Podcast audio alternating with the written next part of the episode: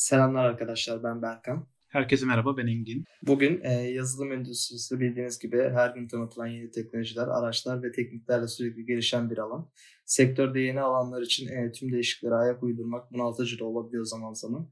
Ancak doğru yaklaşım ve zihniyetiyle kısa sürede e, başarılı e, olabiliriz bu konularda. E, bu podcast'te de başlamanıza yardımcı olacak bazı ipuçlarını sizinle paylaşıyor olacağız. O zaman ilk sorumuza başlayalım. En son teknolojileri ve trendleri takip etmek hakkında ne düşünüyorsun? Yani güncel kalmak hakkında ne düşünüyorsun Engincan? Ee, bir önceki hani podcast'te de buna birazcık değinmiştik. Ee, bence e, ilgilendiğimiz teknolojilerin e, kendi official dokümanlarını kontrol etmek bu noktada çok iyi. Ve onun dışında da hani Fitly gibi bu e, birçok farklı platformdaki blokları toplayan uygulamaları kullanmak da çok iyi olabiliyor.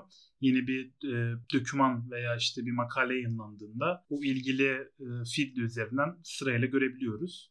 Ben o şekilde tek tek bakmaya çalışıyorum. Ee, ama burada bence önemli şöyle bir nokta var. Hani e, bir makaleyi gördük diyelim. Direkt ona başlayıp e, okuyup hani onun içinde de o makalenin içinde de linkler olacaktır. Direkt gidip o ikinci linklere de bakıp okumamak lazım bence. Bunun bir ayarını yapmak lazım. Hani ilk dokümanı okuduk bitirdik. E, direkt ikinciye başlamak yerine hani onu kaydedip daha sonra da okuyabiliriz. Öbür türlü hep makale okumak ve bunu uzun bir sürede yapmak uzun vadede hem yorucu olabiliyor hem de bunun etkisini azaltıyor diye düşünüyorum. Ee, bir de e, yani yeni teknolojilerden, soğuk teknolojilerden haberdar olmanın en net yollarından biri de bu konferanslar yapılıyor biliyorsun. Mesela .NET Conf var .NET alanında.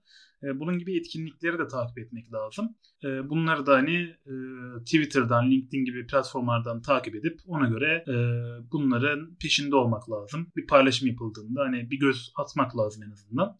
Ee, benim e, ilk madde için söyleyebileceklerim bunlar. İstersen e, hani yeni teknolojileri takip ettik ama biliyorsun yazılım bir hani topluluk olayı aslında bir takım çalışması. Bu noktada güçlü bir ağ oluşturmak hani çok önemli bir e, temel taşı olarak e, gözüküyor. E, bu konuda bir önerin var mı? Nasıl güçlü bir ağ, ağ oluşturabiliriz? Hani nasıl iyi bir topluluk sağlayabiliriz? E, kesinlikle katılıyorum. Yani yazılım e, endüstrisi bildiğin gibi eşvidi ve fikir paylaşımı ile ilgili genel olarak. E, yani ne kadar e, güncel kalabiliyorsak, ne kadar e, e, ağ, ağ network'ümüz varsa aslında o kadar da e, etkimiz daha yüksek olmuş oluyor. E, en basitinden geçen geçtiğimiz günlerde NDC London düzenlendi. E, buradaki e, katılan insanlar, katılımcıların hepsi e, e, alanında hepsi e, bir içerikler üreten, birbirleriyle paylaşan, network'ü çok kuvvetli insanlar. O insanlarla tanışmak e, e, kariyerimize tabii ki yön verecektir. Kariyerimizi geçtim. E, ekstra yani bu insanları Twitter'dan e, dediğin gibi işte diğer sosyal medyalardan vesaire takip etmek de bence çok faydalı. E, çünkü atıyorum e, yeni çıkan bir şeyi paylaşıyorlar. Yani .NET Runtime'ında e, atıyorum yeni bir PR atıldı. Daha .NET PR möşlenmeden senin o konuda bilgin de olmuş oluyor. Bu ne kadar önemli diye sorarsanız e, belki başta önemsiz gibi gelebilir ama e, ekstra olarak sizin de mesela biz bir framework geliştiriyoruz. Framework'te e, en son güncel teknolojileri kullanıyoruz. E, ileride yani atıyorum bir feature geliştireceğiz. E, o feature zaten .NET Runtime'ında veya ASP.NET tarafında e, implement edilecekse bunu gereksiz efor olarak görüp onu implement etmiyoruz. Onlar implement ediyor. E, biz de bir sonraki release'de onu kullanmış oluyoruz haliyle. E, ekstra olarak vizyon olarak bence çok faydalı olduğunu düşünüyorum bu tarz aktiviteleri takip etmeyin. İkinci olarak konferansları dediğim gibi katılmak. Üstüne bir önceki podcast'te de bahsettiğimiz gibi eğer organizasyona yardımcı olabiliyorsak e, bu da network anlamında çok fazla şey katacaktır diye düşünüyorum. E, bir sonraki konumuzdan konuşabiliriz. İstersen senin bu konuda eklemek istediğin bir şeyler var mı? Ee, güçlü bir ağ oluşturmak için yani dediğin her şeye katılıyorum. Konferanslar bunun için çok etkili. Ee, bir de mesela e, bazı platformlarda direkt e, yazılımların, yazılımcıların e, buluştukları hani, toplantılar olabiliyor. Ben mesela İstanbul'da yaşarken e, Community Türkiye grubunun e, buluşmaları oluyordu mesela Kadıköy'de. Onlara katılmaya gayret ediyordum. Yine yazılımcılarla buluşma imkanı elde ediyordum.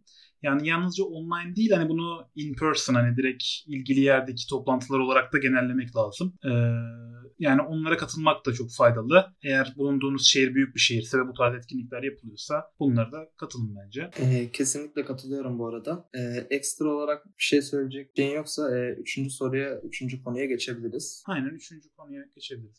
Ee, üçüncü konumuz e, pratikle ilgili. Yani e, öğrendiklerimizi e, sadece teoride bırakmamak. E, bir somut bir ürüne çevirmek vesaire konular hakkında konuşacağız. Bu konuda neler düşünüyorsun Engin? Tabii. E, yani pratik deyince aklımıza direkt site projeler geliyor ama Bunu daha geniş çaplı düşünmek lazım bence. Yani mesela bir makale okuduk diyelim orada yeni bir şey öğrendik. Bunu çok minimal bir uygulama oluşturarak test etmek lazım bence. En ufak bir hani öğrendiğimiz kodsal bir şeyi direkt test etmek bir konsol uygulaması daha iyi olabilir. Çok faydalı. Çünkü hani okuyup geçtikçe bu aradaki süre süre geçtikçe daha doğrusu bu bildiğimiz, öğrendiğimiz API'yi veya yeni kavramı çok çabuk unutabiliyoruz. Yani o yüzden direkt makale okuduktan sonra hani bir ufak bir uygulamada denemek çok faydalı bence. Ee, onun dışında hafta sonunda hani site projeler oluşturarak bakmak zaten hani herkesin söylediği bir tavsiye. Ee, ama burada şunu belki ben ekstra olarak söyleyebilirim. Ee, bir site proje oluştururken bunun hani e, bütün uç noktalarını belirlemek lazım aslında. Bir kağıda döküp ona göre başlamak lazım. Çünkü yarım kalması işten bile değil. Ee, benim böyle çok projem var. Eminim senin de vardır. Sizi dinleyen birçok kişinin de vardır. Ee, o yüzden bu sınırları iyi çekerek ona göre ilerlemek lazım diye düşünüyorum. Ee, onun dışında yani pratik yapın, pratik yapın, pratik yapın diyeceğim bu kadar. Senin eğer notun varsa bu konuyla ilgili onu dinlemek isterim ben de. Yani bitmeyen projelerle daha sonrasında doğ, dolmuş oluyor e, repository'lerimiz. Ee, ekstra olarak şunları ekleyebilirim. Ee, belki yani yeni mezunlara tavsiyeler hakkında e, çıkacağız bu podcast'te.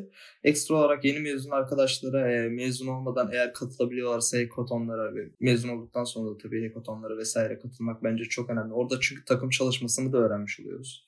Aynı zamanda açık kaynak projelere de katkıda bulununca hem e, oradaki yani profesyonel alanda işlerin nasıl işlediğini e, hakkında e, bir fikir sahibi olmuş oluyoruz. E, belki ekstra olarak e, çevrimçi kurslara zaten birçok arkadaş katılıyordur diye düşünüyorum. Ekstra olarak da e, bootcamp'lere, Trendyol'un işte Getir'in vesaire bootcamp'lerine katılabilirsek de e, yani profesyonel anlamda hem e, bir şeyler üretmiş oluruz hem de belki oradan çıkışta direkt o bootcamp'e e, düzenleyen e, şirkete girme imkanı olur. Giremesek de büyük bir katkısı olacağına eminim bu tarz eğitimlerin. E, düzenli bir şekilde çalışmayı da sonuçta e, gerektiriyor bu bootcamp'ler. E, genel olarak bunları söyleyebilirim ben de. E, dördüncü olarak e, yeni fikirlere ve yaklaşımlara açık olmak. E, ne düşünüyorsun? E, bu da çok güzel bir madde. Şu açıdan ben bunu değerlendiriyorum. Hepimiz günlük hayatta bir iş yükü tamamlayıp aslında bir PR açıyoruz. İşin genel kavramına baktığımızda. Bu PR'lar da birileri tarafından hani review ediliyor, gözden geçiriliyor ve ona göre e, bir ürüne dönüşüyor aslında, bir özelliğe dönüşüyor.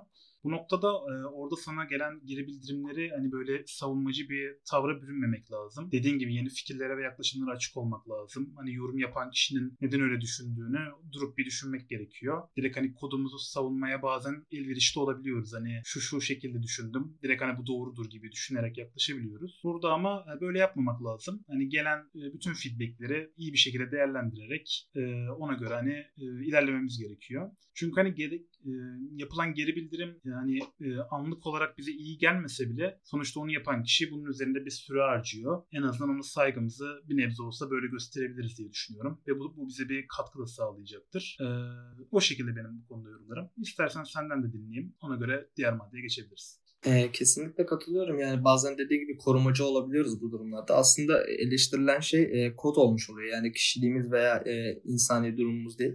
Biz orada üretilen işi eleştiriyoruz. Yani işle ilgili yani bir sorun varsa eğer onu bildirmiş oluyoruz. Orada da e, hem review eden kişi tarafından da e, o review etme sürecinde de e, mümkün olduğunca nazik olmak, mümkün olduğunca karşı tarafı anlayışla karşılamak gerekiyor. Aynı şekilde e, review alan kişi de e, e, bunu aynı şekilde yani onun e, kodu eleştirdiğini ve e, e, onun doğru olabileceğini, söylediği şeylerin doğru olabileceğini düşünerekten e, ön yargısız bir şekilde e, kabul edip ona göre hareket etmekte fayda var dediğin gibi.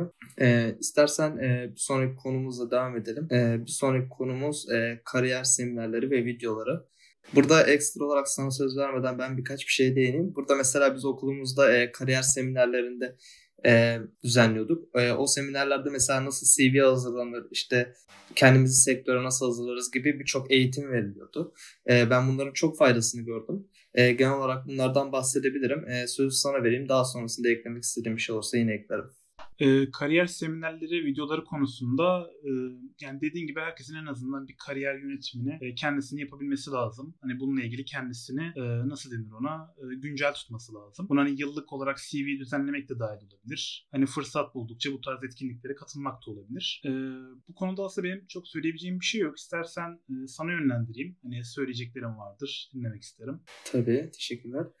E, yani bence e, kariyer yönetimi e, öğrenmemiz gereken bir etkinlik. E, burada da mesela ekstra olarak eskiden benim zamanımda Doğukan Güven Nomad diye e, bir YouTube e, da e, videolar üreten bir yazılımcı vardı. Onun videolarında genelde mesela e, yazılım alanında çalışan ama farklı alanlarda işte bazı backend, bazı mobil developer vesaire gibi farklı e, sektörlerde çalışan insanlarla sohbet ediyordu. Onların kariyer yolculuklarını dinlemek ekstra olarak e, faydalı olacağını düşünüyorum. E, ekstra olarak benim bu konuda da başka diyecek bir şeyim yok. Tamam bir sonraki maddeyle o zaman devam edelim. İletişim konusu. Ee, zaten e, bu bölümün en başında da hani bahsetmiştik. Yazılım dediğimiz şey kümülatif bir yapım. Ee, takım çalışmasına bakıyor. insanların işbirliğine bakıyor. Ve bu noktada da iletişim çok önemli bir yer e, bizim için elde ediyor. Günlük iş yaparken hani birine bir soru sormamızdan tut da e, bir müşteriyle hani temas bile aslında bu iletişimin ne kadar önemli olduğunu, işimizin bir parçası olduğunu bize belirtiyor. Benim hani yeni mezunlara bu konuda şöyle bir tavsiyem olabilir. Hani e, kendi yöneticilerine veya şirket içindeki yani diğer kişilere soru sormadan önce gerçekten çok iyi bir araştırma yapmak lazım. Çünkü e, öbür türlü hem onların vaktini fazla alıyoruz hem de hani araştırma yeteneklerimiz birazcık köreliyor. Biraz bazen kolaya kaçabiliyor diye düşünüyorum. Bu yüzden e, bu noktada hani iyi bir araştırma yapmak lazım. Hani daha yeni başlıyoruz. Her araştırdığımızı bulamayabiliriz ki bulamayacağız. Ama yine de bunun için iyi bir zaman harcamak gerekiyor diye düşünüyorum. Ee, bir de bunun dışında hani iletişim kurarken hani mesela birine özellikle mail yolluyorsan veya bir mesaj atıyorsan e, hani bu iletişimdeki e, yazdığın mesajlar direkt içeriye yönelik olmalı. Hani merhaba, müsait misin gibi bir işte yazı yazmak yerine işte merhaba deyip e, sıkıntını anlatıp veya sorunu yazıp direkt karşındakinden cevap bekliyor olman lazım. Hani karşındakiyle masa tenisi gibi hani bir o cevap yazıyor bir sen gibi hani servisler yapmamak lazım diye düşünüyorum. Ee, ve e, bunlar dışında bir de son olarak şundan bahsetmek istiyorum.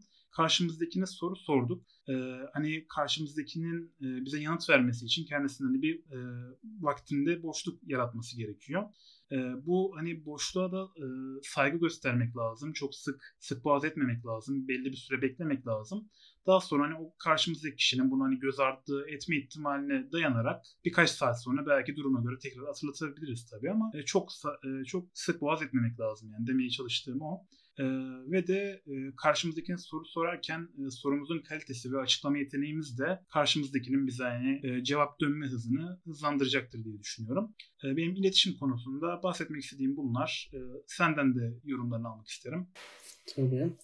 Ee, ekstra olarak yani iletişim yeteneklerimizi bence okulda e, mümkünse e, seminerler vesaire yaparaktan e, geliştiriyor olmamız bence çok e, önemli. Yani biz sunum yapmak, sunum becerimizi geliştirmek, aynı şekilde iş yerinde de e, toplantılarda vesaire e, proaktif bir şekilde toplantılara katılmak vesaire e, bence çok önemli olduğunu düşünüyorum ben bu konuların. E, çünkü ya ben mesela bu konuda öz eleştiri yapmam gerekirse e, bu konularda e, çok eksiklerim var. E, bunları e, yani şu an halletmem gerekiyor. Çünkü 20-30 yaşındayken hiç kimse e, e, beni işte şu konuları e, sunum yapmayı bilmiyor veya iletişim konusunda eksik diye e, çok fazla e, yargılamayabilir. Ancak e, kariyerimin ilerleyen safhalarında e, işte e, nasıl senior olmuş vesaire gibi e, yargılanabilir. E, hiç kimse yargılamasa bile bu sonuçta e, bir eksiklik. E, bu da bir öğrenilmesi gereken bir şey. Bizim e, mesleğimizde de az önce de dediğimiz gibi iletişim çok önemli bir faktör. E, bu yeteneklerimizi de e, geliştirmek çok önemli olduğunu düşünüyorum. E, ekstra olarak benim de söyleyecek bir şeyim yok bu konuda. Tamam diğer maddeye geçelim o zaman istersen. E, zaman yönetimi bir sonraki maddemiz. Zaman yönetimi aslında yalnızca yeni başlayanlara ve hani kariyerinde yeni adım atan kişilere değil de herkes için gerekli olan bir kavram. Bu hayattaki hem kalitemizi arttırıyor hem gerçekleştirmek istediğimiz işleri yapabilme hani derecemizi ve kalitesini arttırıyor. E, bu noktada hani bu konularla ilgili teknik kitaplar okumak gerçekten çok faydalı. Ben hani, e, teknik gelişim kitaplarını okumaya özen gösteriyorum ve bunlardan hani bazılarını e, hayat felsefesi olarak ele alıyorum. Mesela 2 dakika 2 dakika kuralı var mesela. Eğer yapacağın iş 2 dakikadan kısaysa hani direkt halletmene yönelik bir yaklaşım. Aklında hani yer tutmaması için e, gerekiyor bu yaklaşımın. Bunun gibi birçok yaklaşım var. E, bu zaman yönetimi için yani kesinlikle bir hani to do listiniz olmalı veya bir yere yazdığınız hani adım adım görebileceğiniz, gün gün ayırabileceğiniz bir e, yani yeriniz olması lazım. Bir kağıda bunu dökmeniz lazım.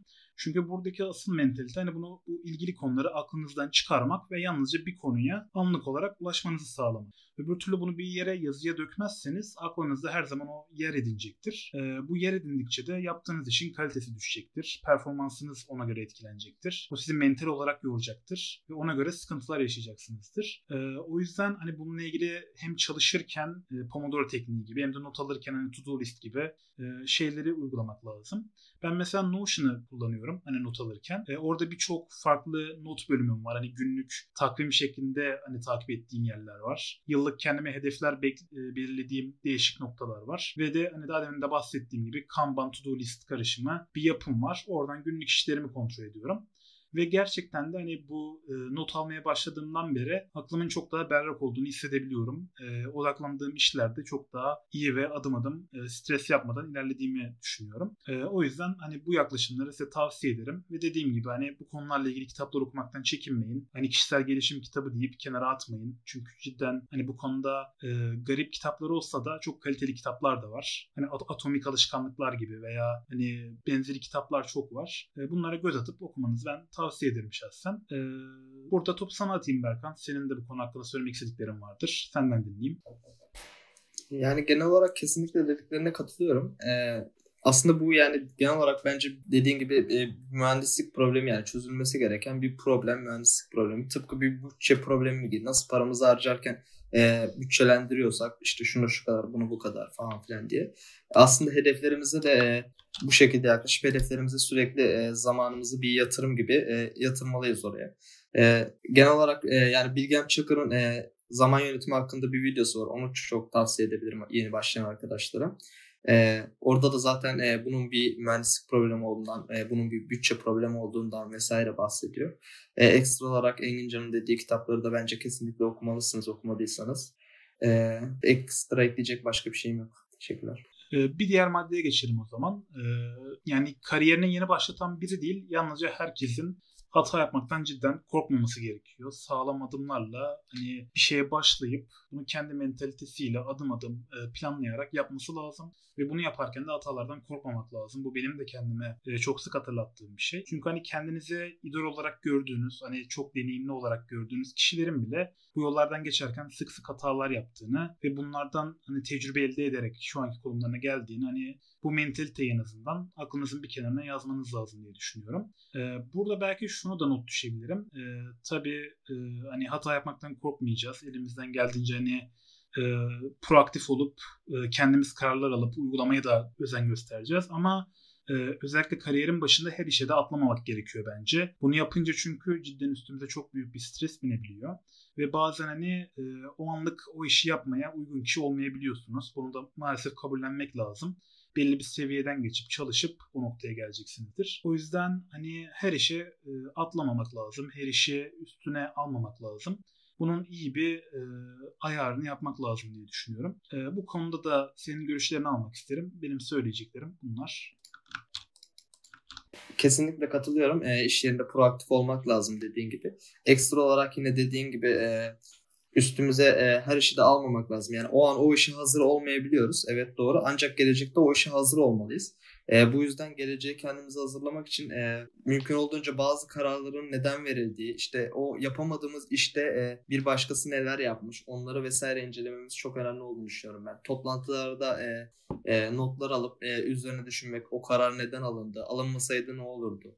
Vesaire gibi düşünmek bence e, geleceği bizi hazırlayan e, en önemli faktörlerden bir tanesi diye düşünüyorum. E, bir diğer konumuz olan e, optimize etme konusu var. Yani e, biliyorsunuz yazılımda aslında e, biz e, zamanımızı vesaire her şeyimizi optimize etmeyle e, çalışıyoruz e, yani işimizi, iş yapış şeklimizi işte mesela Engin Can az önce bahsettiği işte bir takım notlar alıyor, Notion'u kullanıyor, onu kullanıyor, bunu kullanıyor. Neden kullanıyor bunları? Aslında e, mesela belki e, context switch maliyetini azaltmak için atıyorum bir projeden e, e, ayrılması gerekiyordu. Başka bir acil bir projeye e, geçmesi gerekiyordu kısa bir süreliğine. Oradaki notlarını toparlayıp e, diğer işe geçiyor. E, o işi bitirdikten sonra tekrar döndüğünde notlarını gözden geçirdiğinde o işe daha kolay bir şekilde devam edebiliyor e, o maliyeti aslında e, geçiş maliyetini aslında Engin Can burada optimize etmiş oluyor. Aynı şekilde bir önceki gün bir sonraki günü planlayarak e, bir sonraki gün e, aslında yapacaklarını bildiği için e, yine işindeki e, zaman yönetimini iyi yapmış olabiliyor.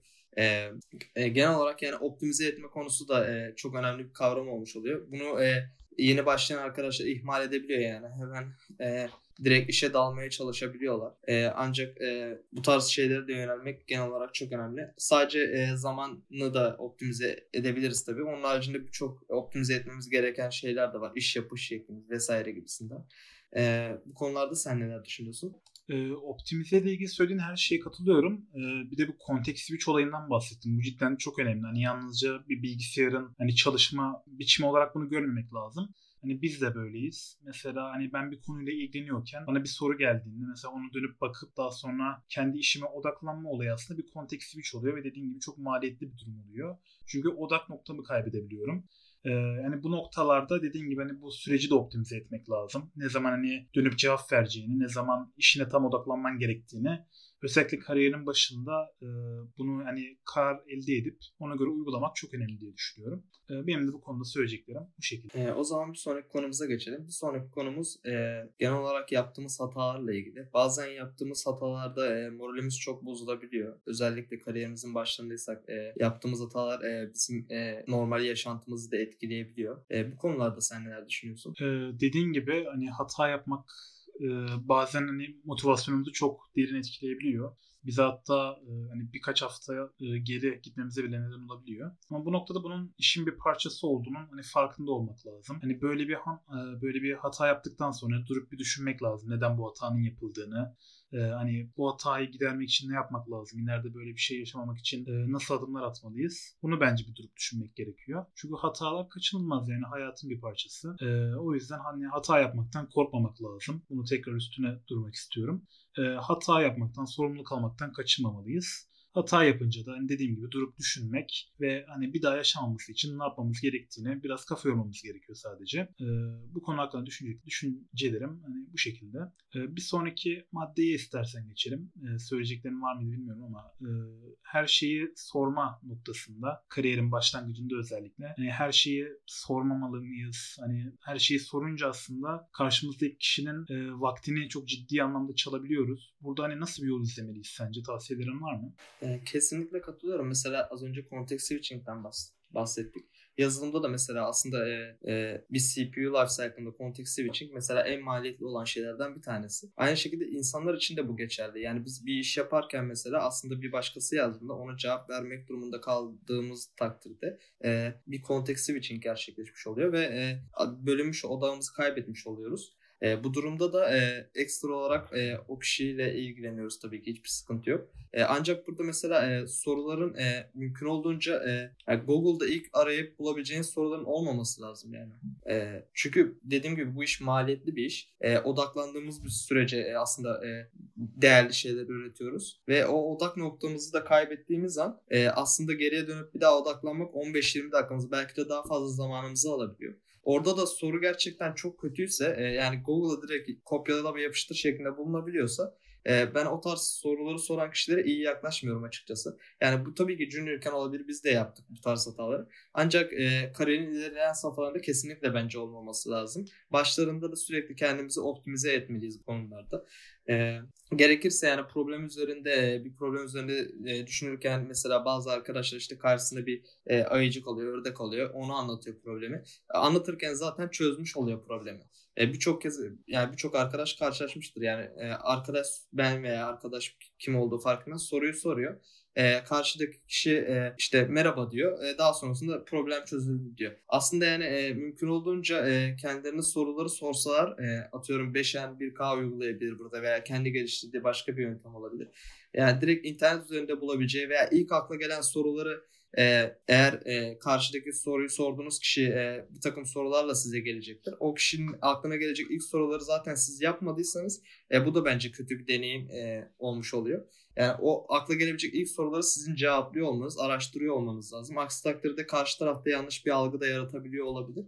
E, genel olarak bu konulara dikkat etmenizi e, söyleyebilirim. Sen neler düşünüyorsun? E, söylediğin her şeye katılıyorum. Hani dediğin gibi direkt hani Google'a yazıp hani birkaç hani e, sırada bulabileceğimiz şeyleri sormamak gerekiyor. E, bunu özellikle başlardayken hani yapabiliyoruz ister istemez. Çünkü hani daha yeni bu sektöre giriyoruz bilmediğimiz konular olabiliyor. Ama dediğin gibi durup bir kendimize soru sormamız lazım. Hani benim sorunum ne? Bunu ilk bir belirlemek lazım. Bu sorunu çözmek için anahtar kelimeler ne olabilir? Hani ikinci aşama olabilir. Üçüncü aşamada da bu anahtar kelimelerle hani birkaç araştırma yaparak e, kilit kilit noktalar bulmak lazım o bulduğumuz noktalar hani bize bir sonuca iletmiyorsa bile hani e, yazdığımız kişiye söyleyebiliriz. Hani şu şekilde araştırdım. E, herhangi bir hani cevap bulamadım. E, bu konu hakkında hani bana yardımcı olabilir misin tarzı yapmak lazım. Dediğin gibi hani karşındakinin vaktini aldığının hani farkına vararak bunu optimize ederek hani sorabilmen lazım. benim de dediğim o şekilde. Dediğin her şeye katılıyorum. Birebir aynı şekilde düşünüyorum diyebilirim. diğer maddeye geçelim istersen. sürece inanmak, sürece inanıp sürekli gelişime önem verme aşaması aslında. E, bu konuda ilk şunu söylemek istiyorum. Ondan sonra sözü sana bırakacağım. E, hem hayatımızın hem de yazılım kariyerimizin veya normal herhangi bir sektördeki kariyerimizin e, bir sprint değil de bir maraton olduğunun farkına varmamız lazım bence. O yüzden hızlı hızlı hani bir şeyler öğrenip kendimizi burnout sendromu gibi hani yıpratacak şeylere kaptırmamamız lazım. Adım adım e, bir kendimize plan çizip sürdürebilir bir şekilde ilerlememiz gerektiğini düşünüyorum. E, buna çok önem göstermek lazım. Çünkü bu insanı gerçekten de hani e, yıpratabilecek bir durum. E, demek istediğim bu şekilde. Hani buna iyi bir planla yola çıkmamız lazım. Dediğim gibi sprint değil bir maraton olduğunun e, farkına vararak ilerlememiz lazım. E, benim söyleyeceklerim bu şekilde. E, sen senin de görüşlerini dinlemek isterim bu konuda. Kesinlikle katılıyorum. Ee, yani her şeye atlayıp da e, hiçbir şey yapmamaktansa e, step by step yapıp e, zamanlara bölüp belli hedeflere bölüp e, teker teker öğrenmek bence uzun vadede çok daha mantıklı olacaktır. Ee, dediğin gibi ya birçok şeyi bir anda atlayınca hiçbirini yapamıyor olabiliyoruz. Burnout'a yakalanabiliyoruz belki ee, gibi düşünebiliriz. Yani şöyle düşünebiliriz bunu. Dediğin gibi bu aslında bir maraton. Ee, uzun vadeli yani hayatımız boyunca sürecek bir süreç. Az, az önce de bahsettiğimiz gibi sonuçta yazılım e, sürekli değişen bir şey ve e, kendimizi e, sürekli geliştiriyor olmamız lazım. Kariyerimizin zaman zaman bazen e, hizası kaymış olabilir. Olmak istediğimiz noktadan e, e, yapmak istediklerimizden uzaklaşmış olabiliriz. Ancak bu hiza hizayı e, zaman zaman tekrardan e, düzeltip tekrardan hizaya olmak istediğimiz nokta olup e, tekrardan o alanda e, ilerleme kaydedip e, ilerlemek gerekiyor. Hiza kaydını tekrar e, düzeltmemiz gerekiyor. Yani sürekli e, hizayı aslında amaç e, doğru tutmak, istediğimiz noktada olmak. E, yani bunu şöyle de düşünebiliriz aslında. 100 katlı bir merdiven var. E, e, bunları e, yapan bir usta gibi düşünebiliriz. Yani o usta nasıl hepsini teker teker yapıyor. Gidiyor ilk önce birinci e, merdiveni yapıyor. Sonra ikincisini yapıyor vesaire. Direkt hepsini yapmaya başlamıyor veya direkt yüzüncüden başlamıyor. 90'cıdan başlamıyor. Bizim de step by step ilerlememiz lazım dediğin gibi. E, genel olarak e, konulardan e, değinebiliriz. Yani genel olarak diyeceklerim bu kadar. Tamamdır. Ee, bu şey metaforu çok hoşuma gitti. Hani yüz katlı bir bina örneği. Dediğin gibi adım adım hani başlayıp e, bu konuda hani ilerlemek lazım. Hani yüz katlı bir merdiven dediğin gibi ilk katın yapılmasıyla aslında başlıyor ve bitiyor. E, buna özen göstermemiz lazım. E, son e, aldığımız madde not da e, paylaşmaya önem verme noktası. E, burada paylaşımdan kastettiğimiz içerik aslında hani öğrendiklerimizi paylaşmak e, olarak düşünebiliriz. E, ben mesela e, makale yazma sıklığını sürekli arttırmaya çalışan bir kişiyim. Çünkü bunun bana gerçekten de güzel getirileri olduğunu düşünüyorum. E, bununla da ilgili hani e, özen göstermeye çalışıyorum. Bunu yazdıkça daha da iyi olduğunu düşünüyorum makale konusunda. E, o yüzden hani e, üretici noktada olmak, içerik üretmek gerçekten de çok önemli. Size çok fazla katkısı olacaktır. Hani şu an bunu uygulamıyorsanız hani düşünüp aklınıza gelen şeylerden çok daha katkı sağlayacağını ben söyleyebilirim. En azından kendim için öyle deneyim, deneyimliyorum. Ve de şunu da düşünmek lazım. Hani gün e, gün içerisinde birçok bilgiyi üretiyoruz ama şey pardon tüketiyoruz ama e, üretimde e, çok daha kısıtlı bulunuyoruz. Bu dengeleri biraz değiştirmek e, her açıdan bize katkı sağlıyor diye düşünüyorum. Yani sadece tüketen değil de aynı zamanda üreten de olmalıyız. Biz de mesela şu an Berkan'la beraber hani bir podcast içeriği çekiyoruz. Bunun hem bize bir katkısı var hem de um, umuyorum ki hani dinleyen kişilere bir katkısı olacaktır. Bu aynı şekilde makale, video veya diğer farklı çeşitlerde de olabilir. O yüzden hani içerik içerik tüketmek kadar üretmeye de özen göstermeliyiz diye düşünüyorum. E, topu sana atayım Berkan. İstersen sen de düşüncelerini bu konuda ilet bize. Ya da bahsettiğimiz gibi yani Engin Can'ın da dediği gibi paylaşımın çok önemli olduğunu düşünüyorum. Biz de şu an zaten Engin Can'ın dediği gibi burada e, bir e, bilgi paylaşıyoruz. Kendi bilgilerimizi e, e, pekiştiriyoruz. Bu maddelerin mesela birçoğunda iletişim vardı. Yani paylaşmak sonuçta iletişimi de gerektiren bir şey. Bizim iletişim eksiklerimiz olabilir bugün. Ama yarın daha iyi bir noktada olacağız. Aslında bu podcast'in bir amacı da o. İşte e, kendi bilgilerimizi pekiştiriyoruz yine bu podcast sayesinde. İşte blog yazıları yazıyoruz. Daha iyi yazabiliyoruz. Daha iyi iletişim, hızlı iletişim kurabiliyoruz gün be gün daha iyi aslında e, bizi ileriye götüren e, bir e, süreç olmuş oluyor bizim için. E, genel olarak bu kadar benim de diyeceklerim. Senin başka diyecek bir şeyin var mı? E, teşekkürler. Benim de başka diyecek bir şeyim yok. Bence sonlandırabiliriz. E, dinleyen herkese teşekkür ederiz. Umarım e, faydalı bir yayın olmuştur.